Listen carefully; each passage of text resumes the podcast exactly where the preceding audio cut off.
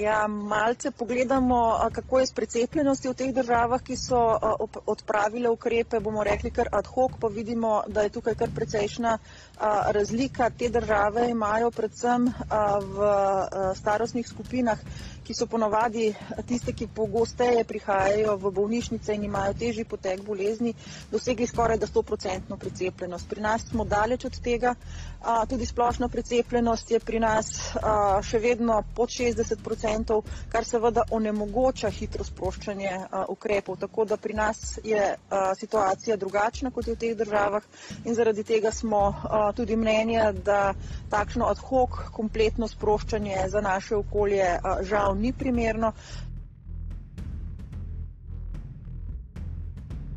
Kako pa je z pogojem PCT? Ali ta ostaja ali bo lahko ponekod odpravljen? V začetku bo vsaj za nekatere dejavnosti pogoj PCT sigurno še ostal. Kot vidite, v fazi omikrona je bilo kar nekaj težav po različnih bolnišnicah zaradi tega, ker je zboleval zdravstveni kader, tako da je seveda treba poskrbeti tudi za varnost zaposlenih. Je bila prejšnji teden predstavljena sprememba organizacije bolnišnic, kajti živimo novo realnost, pa bomo zato z jutrišnjim dnem tudi pričeli na nov način poročati podatke, ali je nekdo hospitaliziran zaradi covida ali pa ima covid kot pridruženo bolezen. Mi gremo zdaj v popolnoma nove, nove tehnologije in je to tudi nekaj dobrega, kar je pač slabega prinesla pandemija, pa je za znanost prinesla veliko. Na koncu epidemije. Veste kaj, zadnje čase vsi nekaj prehitevajo, kako bo vse easy, pa kako bo vse boljš, pa tako naprej, ne. Jaz sem zdaj od samega začetka v tej igri in jaz kaj ne verjamem kaj dosti temu, ne, ker ta virus je še zmeraj se znajdu in se znajdu in je izšel še močnejši. Sme in kaj ne. Rekli ste, morda vam ni blizu rešitev, ampak veljavna bo od jutri. Nekaj primerov. Učitelji, trgovci, negovalci, javni uslužbenci se za izvajanje službe samo testirajo. Smejo jih delati v razred, trgovino, salon, tudi v DSO je za 8 ur. Ne smejo se peljati z avtobusom na delo in iz dela, ne smejo si kupiti toplega obroka, ne smejo samih zdravnikov, če niso in tako dalje.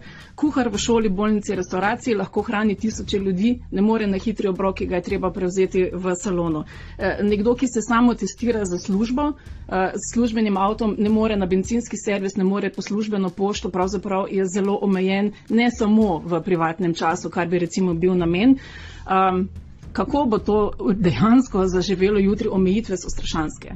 Kar se tiče teh službenih dolžnosti, ki jih nekdo opravlja, tukaj se pravi, če mora nek kurir iti na pošto, gre tukaj za to, da se mu izda ustrezno dovolilo oziroma potrdilo, da opravlja to za službene namene, a. Tako da tukaj je treba ločiti teste, ki so potrebni za opravljanje dejavnosti, ki jih seveda krije delodajalec, in seveda teste, za katere se bo nekdo odločil zaradi zagotavljanja nečesa, kar si želi, ne potrebuje pa nujno. Ampak kot sva rekli, recimo učiteljica sme biti osem ur v razredu, ne more pa z učencem popoldne v knjižnico ali na isti avtobus in se peljati. Ja. Je nekaj, nekaj nelogičnosti vendarle je? Nekaj nelogičnosti je, ampak tukaj gre za to, da je treba nekako se odločiti, kaj smo pripravljeni za to, za naše, bomo rekli, veselje narediti in kaj je tisto, kar je potrebno. V novo leto najboljši pristop, kajti skupaj varni in zdravi. Zdravstvo vam na ta način enotno in v en glas sporoča: cepite se. Odvrzite vse dvome, odvrzite, prosim, vse strahove. In cepiva so se izkazala za učinkovita in varna. Izberimo zdravje, zato izberimo cepljenje. Zakon predpiše, da je izvajanje gostinske dejavnosti, strež, bedi in pijač dovoljeno le ko se to izvaja prisotnim v sedečem režimu med peto in dvaindvajseto uro. Obratovanje gostinskih lokalov, ki nudijo glasbo za ples oziroma družabni program, pa ni dovoljeno. Javnosti in pa športnih prireditvah je potrebno povedati, da javne kulturne prireditve niso dovoljene na odprtih javnih površinah, dovoljene pa so v zaprtih javnih prostorih s fiksnimi sedišči ob uporabi zaščitnih mask, pri čemer mora biti med končnimi uporabniki eno sedišče prosto. Udeleženci pa vsi izpolnjujejo pogoj PCT. Mi je leto 2021 prineslo dve bistveni spremembi.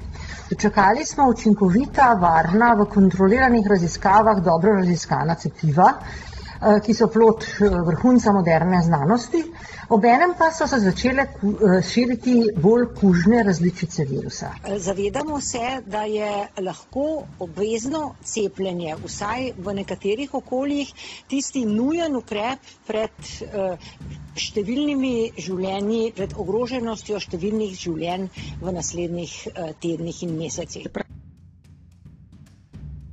Zopet vabim vse starejše od petinpetdeset let, da naj čim prej poiščejo cepilni center in naj se cepijo, zato da jim ne bo treba hoditi v bolnišnico in morda celo oditi za večno zaradi tega, ker ne bodo cepljeni. Ja, lahko zbolimo zaradi, za covidom ali ne. In čemu pripisujete to pač pojavljanje, okužb po cepljenju? Ja, ja, ja, ja, ja. ne, ne moremo zboleti zaradi zaradi cepljenja s covidom. To je kratko vprašanje. Ne. Torej daljši, kratki odgovor, daljši odgovor, ne z razlago, je pa to, da samo cepivo pač ni narejeno tako, kot smo rekli, to je podvig, ne. Cepljenje je ravno ta podvig, da ne tvegaš okužbo in da razviješ pač imunost. In pravzaprav cepimo in kaj je s tistim že zloglasnim listkom, na katerem ljudje absolutno prevzamejo vso odgovornost, če se cepijo bodisi s tretjim bodisi če zamenjajo, vektorsko zmrna ali obratno cepivo. Še vedno velja, še vedno podpisujejo in zakaj? Ja, še vedno je. Tukaj je tretji odmerek, v številnih raziskavah bil, pokazan kot, zelo učinkovit. Po tretjem odmerku namreč stvorimo koncentracijo protiteles, ki je bistveno višja, kot je višja po, drugem odmerku, cepljenja. ob tem, da se, število neželenih učinkov ne poveča, ne beležijo se, hudi neželeni učinki. Kar kar se tiče FDA-ja, je bila nekje glavna, glavni odgovor, da pravzaprav, v tem trenutku ne moremo reči, ali res vsi, potrebujejo poživitveni, odmerek. Tukaj moramo ločiti dve stvari. Ena stvar je pravnoformalna in druga je, bomo rekli, strokovna. Strokovno tukaj ni nobenih pomislekov, da nekdo, ki je imunsko oslabel, ki je starejši, pri komer vemo, da je imunski odgovor že primarno slabši, prav tako vemo, da pri starejših koncentracija protiteles pada bistveno hitreje kot pri mlajših. pri takšnih, strokovno definitivno lahko zagovarjamo, da je takšno poživitveno cepljenje seveda koristno, in tudi varno. Pravnoformalno pa seveda tukaj nismo še na, v fazi, ko bi velike, svetovne zdravstvene organizacije to priporočale in tudi nismo na tem, da bi ali FDA ali Evropska agencija za zdravila to že opredelilo kot, redno prakso. Marsikdo... Ja, hvala za vprašanje. Seveda, je, posvetovalna skupina, v, prvi vrsti, imela razpravo o obveznem cepljenju za ranljive skupine, v drugi vrsti pa tudi za zaposlene v državni oziroma javni upravi. Edini način, da ustavimo ta začaran krog epidemije, je cepljenje. Cepivo je varno ter učinkovito in predstavlja pot nazaj v normalno življenje. Življenje, kjer bodo otroci sedeli v šolskih klopeh brez mask in se med odmori brezskrbno podili. Življenje, kjer druženje z babico pomeni sproščen dogodek. v goriški regiji pred približno dvema tednoma sem kolegom ministrom predlagal, da se za državno upravo začasno iz tako imenovanega pogoja PCT izloči T. Osnovni namen ukrepa je preprečiti širjenje okužb na delovnem mestu, ter posledično zagotoviti nemoteno funkcioniranje državne uprave. Že danes torej velja pogoj PCT, s prvim desetim pa v državni upravi prehajamo na pogoj PC. Za vzpojevanje pogoja bo s prvim desetim zadoščal že en odmerek cepiva, pod pogojem, da bodo državljanke in državljani drugi odmerek prejeli do 1. novembra letos. Dolgo pri tem ideji uh, sodelovala strokovna skupina, je nastala, uh, nastal ta ukrep na podlagi uh, priporočil strokovne skupine. Uh, namreč, če je nastal ta ukrep na podlagi priporočil strokovne skupine, me zanima, potem bodo verjetno ti cepljeni, ki bodo odhajali v službo, v državno upravo tudi testirani, glede na to, da pač je znano zdaj, da tudi cepljeni prenašamo okužbe. Tretja stvar pa je, ne vem, nekako nejasno se mi sliši, pravite, da ne silite nikogar v cepljenje, hkrati pa obstaja možnost za mnoge zaposlene v državni upravi, da bodo pač izgubili delo, če se ne bodo cepili. Kako gre to skupaj? Hvala lepa. Ja, hvala. En del uh, odgovora bom moral ponoviti. Torej, kot rečeno, vlada tukaj nastopa ne kot oblast, ampak kot neposredni odgovorni delodajalec. Dejstvo je, da to ni siljenje v cepljenje. Nikakor ne. Kot rečeno, tudi prehodno obdobje je predvideno. Torej, jaz računam, upam in verjamem, da bo odziv na siceršne pozive za cepljenje čim boljši, čim bolj velik, je, da seveda uvajanje protokola P in C ne govori o obveznem cepljenju.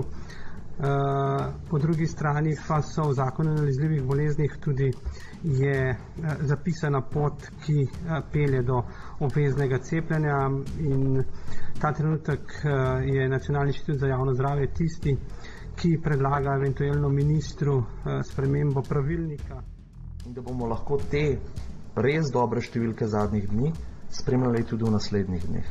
In da pridemo do tiste precepljenosti, ki jo vidimo v tistih državah, ki že odpirajo življenje in oziroma se vračajo neke normalne tirnice. To... Lepa minister, minister Koritnik bi želel še dopolniti svoj prejšnji odgovor, izvolite. Ja, hvala, kmalo bi pozabil na en del vprašanja, ni bilo namenoma, torej glede odpuščanja.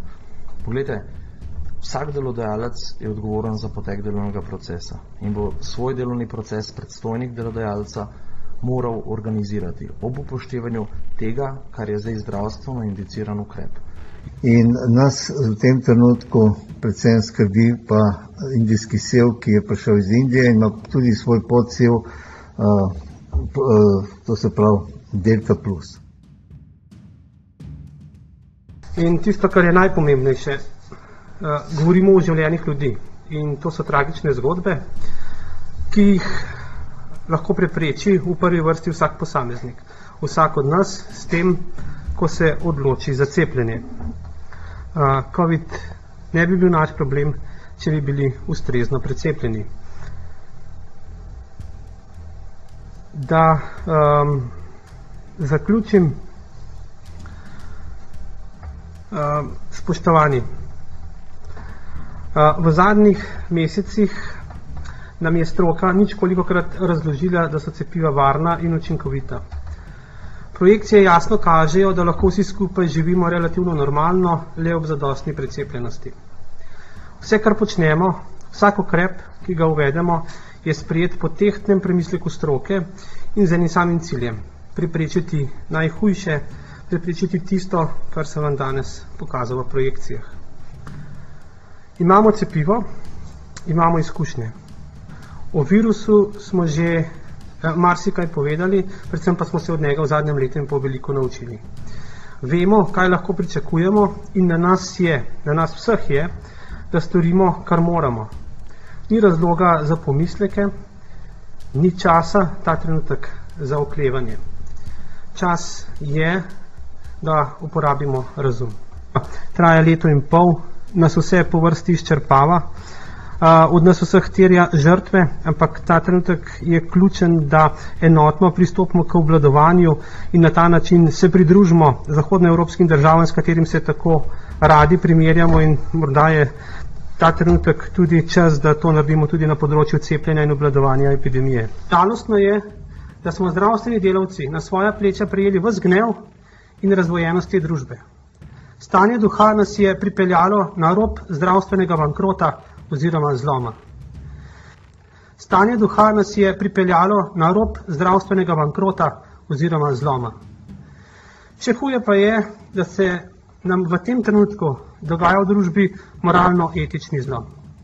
Edini izhod iz trenutne situacije je zadostna precepljenost. E, tako da uh, sva oba dva z dr. Bašen danes že še enkrat pozvala, da vse, ki še niso pristopili k prvemu odmerku, da to ne mudoma naredijo in vsi, ki imajo po priporočilih posvetovalne skupine za cepljenje pogoje za to, da pristopijo k tretjemu odmerku, da tudi to naredijo.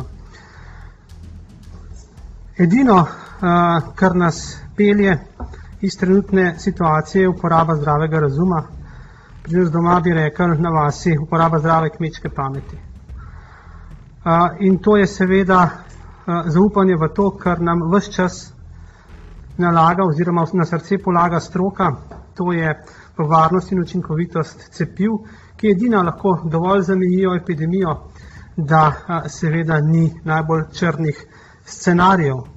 Včeraj je profesor Ihan tudi lepo povedal, da je vsak dan pomemben, da vsak dan šteje. Tudi če se cepimo danes in zbolimo čez tri dni, je to bolje, kot če nismo cepljeni. In tisto, v kar verjamem, je v upoštevanje priporočil stroke in pa znanosti. Vsi, kateri, kot bi rekel, Google doktori dajo, naštevajo neke podatke in zadnje čase moram reči, da sem prav presenečen, da je predvsej tega dobesedno izmišljenega, sfabriciranega od raznih čipov v, v, v cepivih, grafen, oksida in podobno. To so stvari, so, za katere se meni zdelo, da ki nas lahko pripelje iz krize. Mislim, da so Slovenija, mislim, da glede cepljenja ni nobene dileme, torej v znanosti, med znanstveniki v svetu, ki se spoznajo na to področje, ni nobene dileme, da so cepiva učinkovita in da so cepiva tista pot, ki nas lahko pripelje iz krize. Mislim, da se Slovenija trenutno doga, nahaja na, na prelomni točki, ne, ker imamo cepiva na voljo, vidimo v, v nekaterih državah v Evropi, da dejansko se ta različica širi. Različica je že v Sloveniji in se bojim, da bo čez poletje samo še, samo še bistveno večje število vnosov in lahko najbrž pričakujemo, da bo še v tem mesecu postala to prevladujoča različica in da bo število okužb začelo naraščati. Zato je seveda ključno, da izkoristimo čas teh mogoče dva, tri mesece največ za to, da se res cepimo. Do danes je bilo v svetu porabljenih okrog 3,2 milijarde cepiv. Znotraj Evropske unije je bilo 375 milijonov cepiv pocepljenih, torej porabljenih.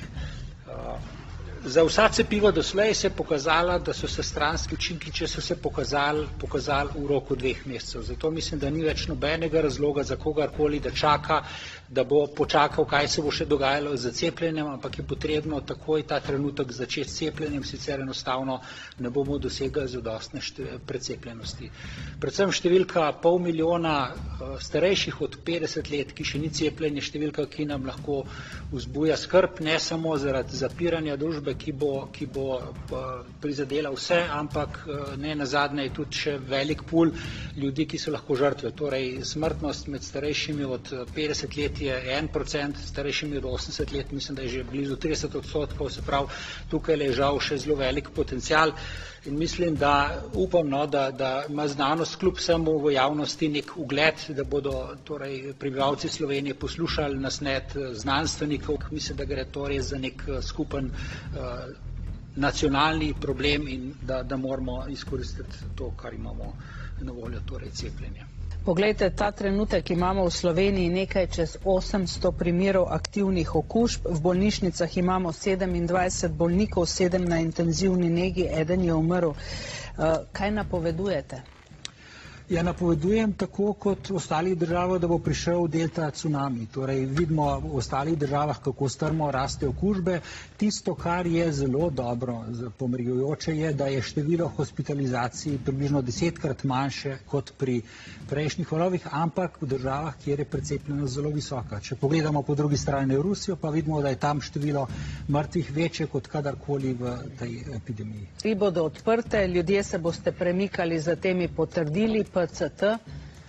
Ja, jaz mislim, jaz osebno bi to jemal bolj kot svarilo, torej vsekakor je želja nas, da ne zapiramo, ampak sem prepričan, da ko bo prišlo do tega, da bo zdravstveni sistem preobremenjen, ne bo ostalo drugega, kot da zaščitimo tudi tiste, ki se niso zaščitili zaradi svojega, recimo temu, nespametnega ravnanja.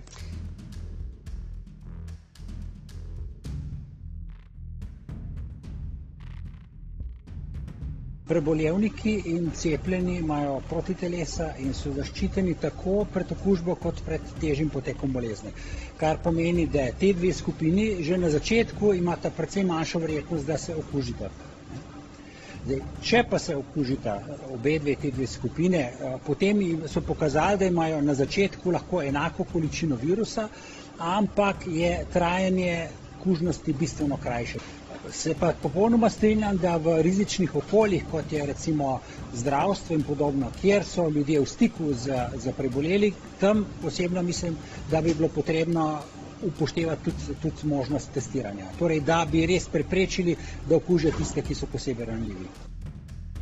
Torej, novi poživitveni odmerek že po dveh mesecih potem, ko smo prejeli vektorsko cepivo, torej tu gre za Janssen ali AstraZeneca. Je to to tisto, kar ste pričakovali, vas ta novica, je to to? Ja, zagotovo. Mislim, da je to, da je to zelo dobra novica, ker predvsem za, za cepivo Janssen, kjer je samo en odmerek, se je pokazalo, da slab se zaščiti in več drugih, drugih držav je šlo, je šlo v, v, v to, da omogoča že po enem mesecu, torej tudi to dva meseca po, po, po tem sem prepričan, da bo odziv precej velik in, in torej vesel sem, vesel sem te, te odločitve in seveda upam, da se bo čim prej implementirala na, na cepilnih mestih. Povrh vsega tukaj nas čaka oziroma smo sredi veselega decembra, mislim, da je zelo smiselno, kot se je recimo Hrvaška Istra odločila, da bodo vsa silvestrovanja odpovedali, ker če pogledamo spet primer z te zabave, so točno takšne zabave, kjer ljudje glasno govorijo zaradi glasbe, kjer se pogovarjajo, pojejo in so idealne razmere za širjenje virusa in v tem primeru se lahko širi še celo hitreje, kot, kot se dogaja recimo na Danskem.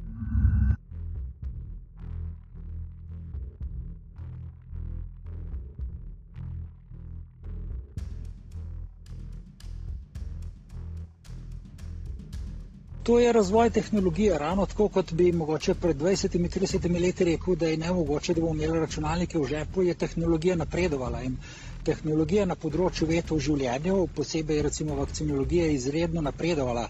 Torej, ni bil samo letošnje cepivo, ampak je v bistvu napredek že recimo pri cepivi za ziko in podobno. To so tehnologije, ki so se razvile v zadnjih letih. Prva cepiva na osnovi mRNA so testirali že leta dva tisoč trinajst, torej to je zrela tehnologija. Tisto, kar je bilo res napredek, je bil to, da je bilo testiranje izvedeno v, v tako velikem obsegu v tako kratkem času. Maturitetni izpiti v, v, v večjem delu se bodo začeli šele konec maja, seveda pa je nekaj skupin, ki bodo s tem začele prej. Bilo bi seveda narobe, da bi tem skupinam odrekli cepljenje, že po prvem cepljenju pa seveda nekaj zaščite je, ni pa to ta zaščita kot ob končnem cepljenju. Lahko samo rečem, da žal s to pobudo nismo prišli nekoliko prej. Jeseni vse to mine, ne? ljudje se spet zbiramo v zaprtih prostorih, ta virus se v hladnem vremenu vremenu bolje pripenja na naše površine sluznic, tako da seveda lahko računamo, da bomo imeli spet večje število primerov, ampak jaz vendarle mislim, da bomo do takrat imeli že neko stopnjo precepljenosti, ki bo pomenila, da bomo sicer imeli več primerov, ampak ne na ta način, kot je bilo to pred letom dni. Deloma nekaj k temu prispeva seveda tudi, tudi prebolevnost. Posvetovalna skupina eh, za cepljenje pri Nacionalnem inštitutu za javno zdravje je danes eh, razpravljala o indikacijah za eh, cepivo podjetja Janssen oziroma Johnson Johnson. Pregledali smo dokumentacijo Evropske agencije za zdravila in se seznanili z podatki, tako učinkovitosti kot o varnosti cepiva in se odločili, da bomo eh, sledili eh, zapisom eh, Evropske agencije za zdravila, torej cepivo se bo uporabljalo pri ljudeh starejših od 18 let. Glede na dokumentacijo Evropske agencije za zdravila, imunost po cepivu nastopi po 14 dneh po cepljenju zdravniki kar zelo prepričani v to, da je cepljenje um, izjemno pomemben ukrep, če želimo uh, preprečiti uh, nadaljevanje epidemije. Uh, zelo učinkovit in zelo varen. In tukaj je v bistvu neka naša odgovornost, da ljudi res, res prepričamo, da se v celoti vsi cepijo. Tako da bo to začasno umaknjeno in bo za obe vektorski cepivi verjetno um, veljalo enako, je pa to seveda stvar dogovora na skupini. Menite, da boste morali čekanje z Janšom ustaviti že po prvi smrti, da vas spomnim smrt žene diplomata doktorja Obružnja? Takrat se za to nismo, nismo odločili, e, smo pa v trenutku, ko je bilo cepiv v Sloveniji dovolj, priporočili, da se prednostno uporabljajo mRNA cepiva bazično eh, cepljenje, eh, učinkovitost bazičnega cepljenja traja določen čas, eh, da so potem potrebni poživitveni odmerki.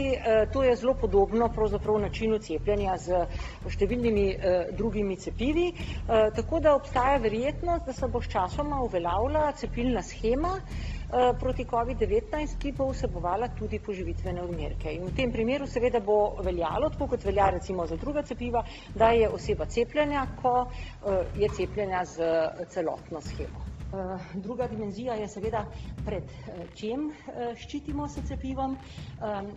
Vemo, da so cepiva zelo dobro učinkovita v zaščiti pred hospitalizacijo in hudim potekom, ne pa v taki meri pred okužbo.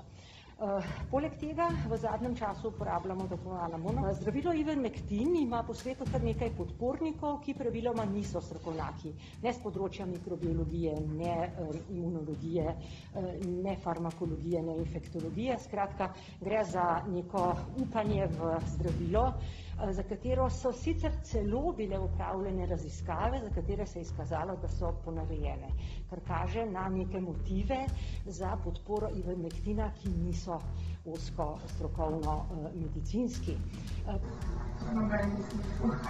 Ja. Pa jaz sem vas tudi povedali. Pripravljeni?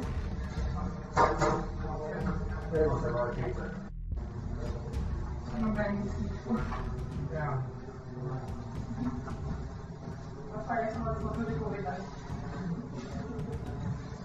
Popravljeni?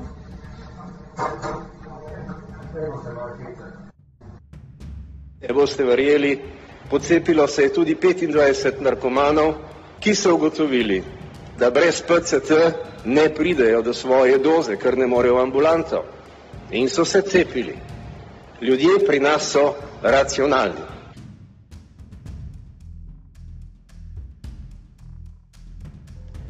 Naj bo ta vikend miren. Naredili bomo vse, da vas ne bi vznemirjali v tem času. Uživajte, dokler lahko. Hvala lepa. Toplo priporočam cepljenje čisto vsakemu, da se lahko končno vrnemo v normalno življenje. Cepljenje je namreč naša edina rešitev iz te epidemije. Uh, jaz imam dve punci, stari 4 in zdaj skoraj 6 let, starejša gre v prvi razred osnovne šole. Uh, če bo moj otrok, se na koncu ne morem več narediti, razen da se bunim zdaj tukaj, ampak če bo moj otrok mogel ostati doma, nekdo od najo ostati doma, da bo pazil lahko v prvem razredu, ker se nekdo v razredu noče cepiti, učiteljica ali pa potem kasneje, ko se bodo otroci šolci ali pa da bodo virus unesli tam noter, iz družin, kjer niso cepljeni, da bo mogel moj otrok zato doma ostati in bomo mogli ga od doma šolati, po oba žena sta zdravnika in delava ogromno, uh, mi je nezaslišano. Da pa moj otrok necepljen, ker ne sme biti še zaenkrat cepljen, zboli zaradi tega, ker mu nekdo prinesel okužbo iz družine, ker niso cepljeni, bo pa znorel. Ker zdaj ni več izgovorov. Prej se zgodi, vsi smo širili virus okoli, vsi, ki smo zboleli, shit happens. Ne? Vsi smo se držali mask, pa vsega tega, pa kljub temu je prišlo do okužb, zdaj ni več izgovorov. Cepljen virus širi neprimerno manj, neprimerno krajši čas, tudi če večina jih sploh ne zboli in ni izgovorov več, da bi virus trosili okoli. Kdor virus trosi okoli, ker ni cepljen in okuži druge, kar se mene tiče, ne bom kriminalni dejanj zraven dejal, ker to ni protizakonito za enkrat če, ampak uh, ne ve, kako škodo dela.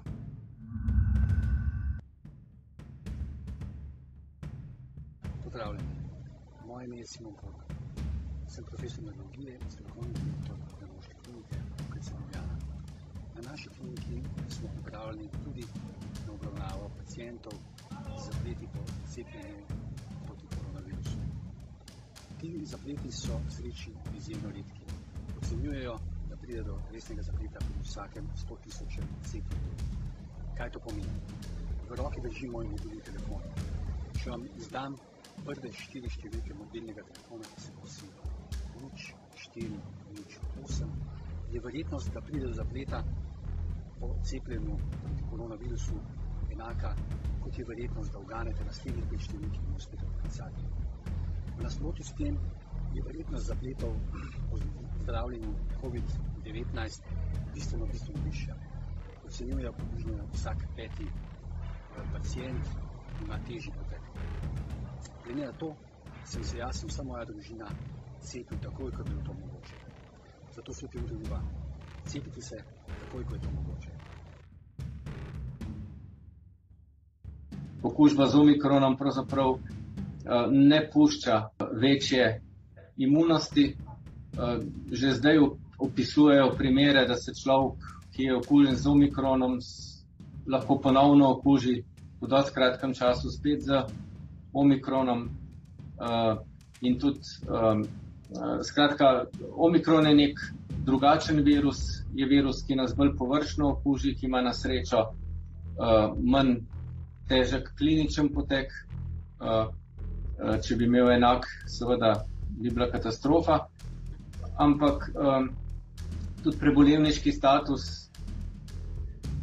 potrjen z antigenskim testom ali pa s PCR-jem, zelo verjetno ne, bi, ne bo imel takega pomena, kot da je imel prebolevniški status z prejšnjimi različicami, ki so pa vendarle puščale uh, dalj časa trajajočo imunost.